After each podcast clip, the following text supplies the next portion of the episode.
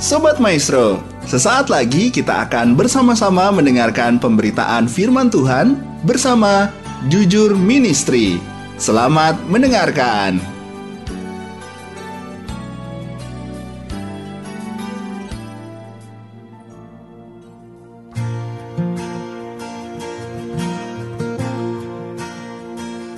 Lord, I come,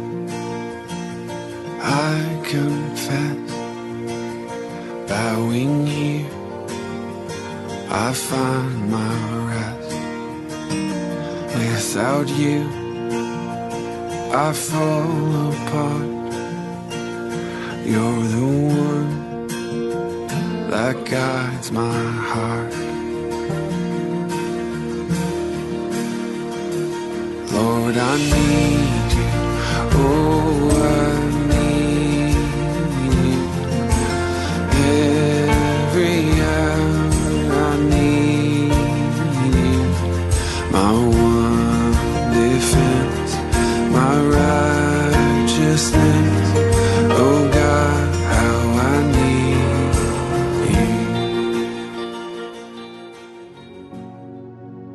Bapak, terima kasih hari ini.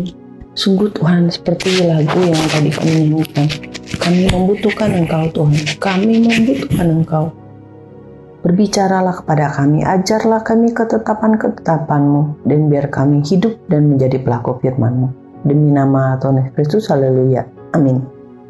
Salam sejahtera, Sobat Maestro. Salam jumpa kembali bersama saya, Ibu Heni Liana dari Jujur Ministry. Jujur Ministry sendiri memiliki visi melayani dengan kasih sesuai perintah kerajaan Allah, menjadi perpanjangan tangan Tuhan untuk orang miskin. Misi kami membantu mensejahterakan masyarakat yang miskin, membangkitkan empati untuk orang tua dan anak-anak muda untuk terus memiliki gaya hidup yang suka berbagi dan memiliki hati yang berkemurahan. Puji Tuhan, hari ini perenungan kita bertemakan tidak boleh putus asa. Kita lihat yuk ayatnya di dalam 2 Korintus pasal yang keempat. 2 Korintus pasal 4 ayatnya yang ke-8 berbunyi demikian. Dalam segala hal kami ditindas namun tidak terjepit. Kami kehabisan akal namun tidak putus asa. Surat ini ditulis oleh Paulus untuk jemaat di Korintus. Dan Paulus menceritakan tentang bagaimana kondisi dia sebagai hamba Tuhan tidak mudah bagi dia untuk bawa orang-orang yang tidak percaya untuk boleh percaya. Ini salah satu hal yang dia hadapi. Yang dia hadapi bahwa dalam segala hal Paulus ditindas. Tapi dia berkata dia tidak terjepit. Dia sering kali kehabisan akal namun dia tidak putus asa. Inilah yang akan kita bagikan hari ini. Kita tidak boleh putus asa. Kenapa? Karena untuk mencapai keberhasilan tidak ada jalan yang mudah. Terkadang seseorang tuh harus melalui padang gurun sebelum memperoleh keberhasilan dalam hidupnya. Jadi, dan dikatakan gini, tanpa salib dan Golgota tidak ada kemuliaan. Mari hari ini mari kita belajar bahwa kita tidak boleh putus asa. Kenapa kita tidak boleh putus asa? Apa yang harus kita lakukan supaya kita tidak hidup dalam keadaan putus asa itu?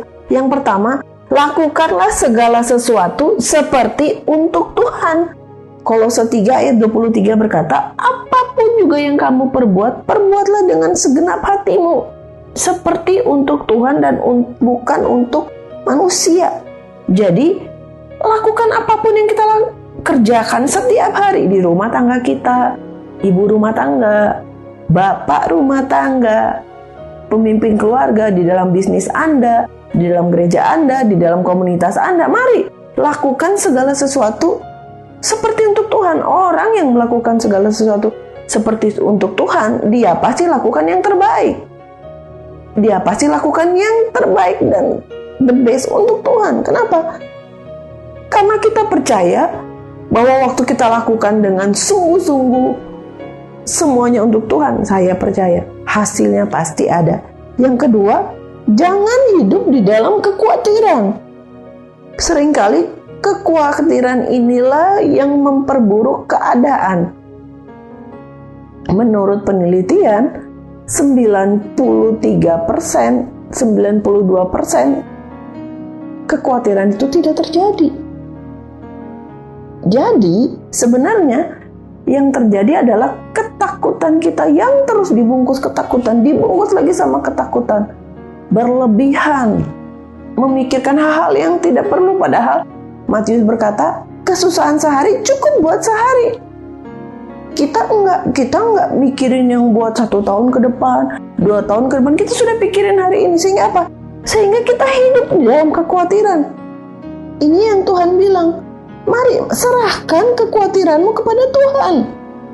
1 Petrus 5 ayat 7 berkata, Serahkanlah kekhawatiran, segala kekhawatiranmu kepadanya, sebab ia yang memelihara kamu. Wow, Tuhan hari ini minta, apa yang jadi kekhawatiran Anda?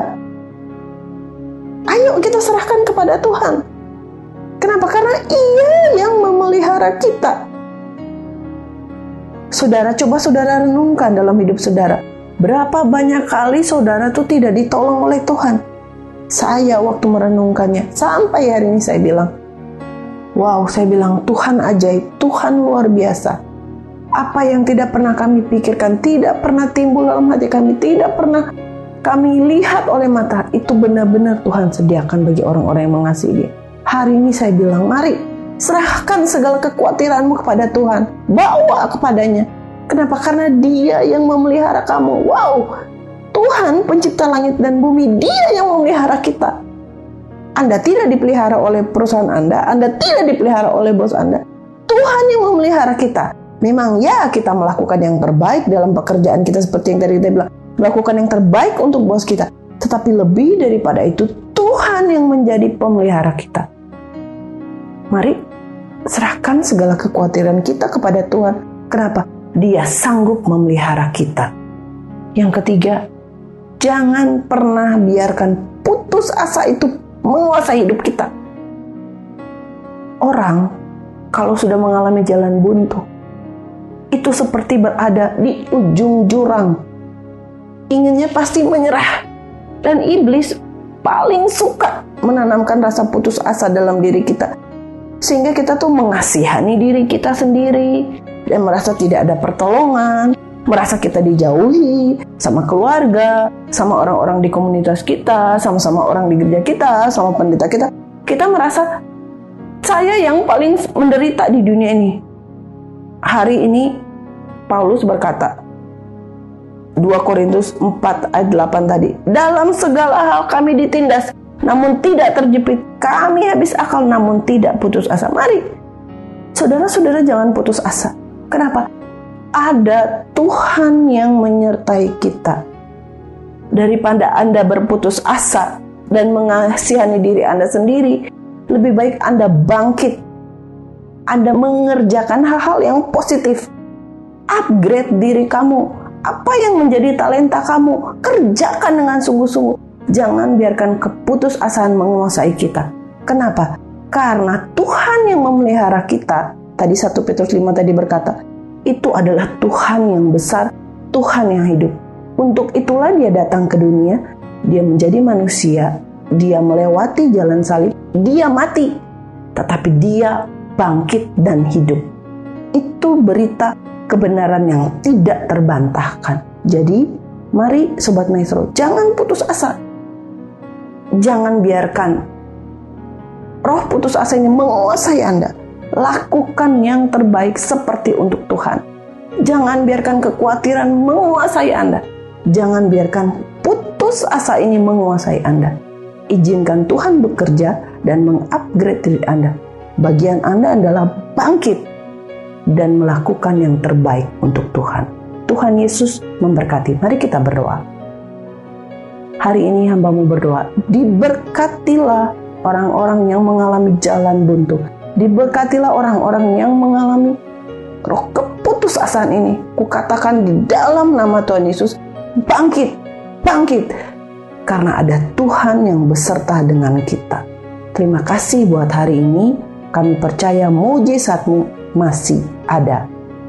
Tuhan Yesus memberkati kami dari Jujur Misri bersama Tuhan bisa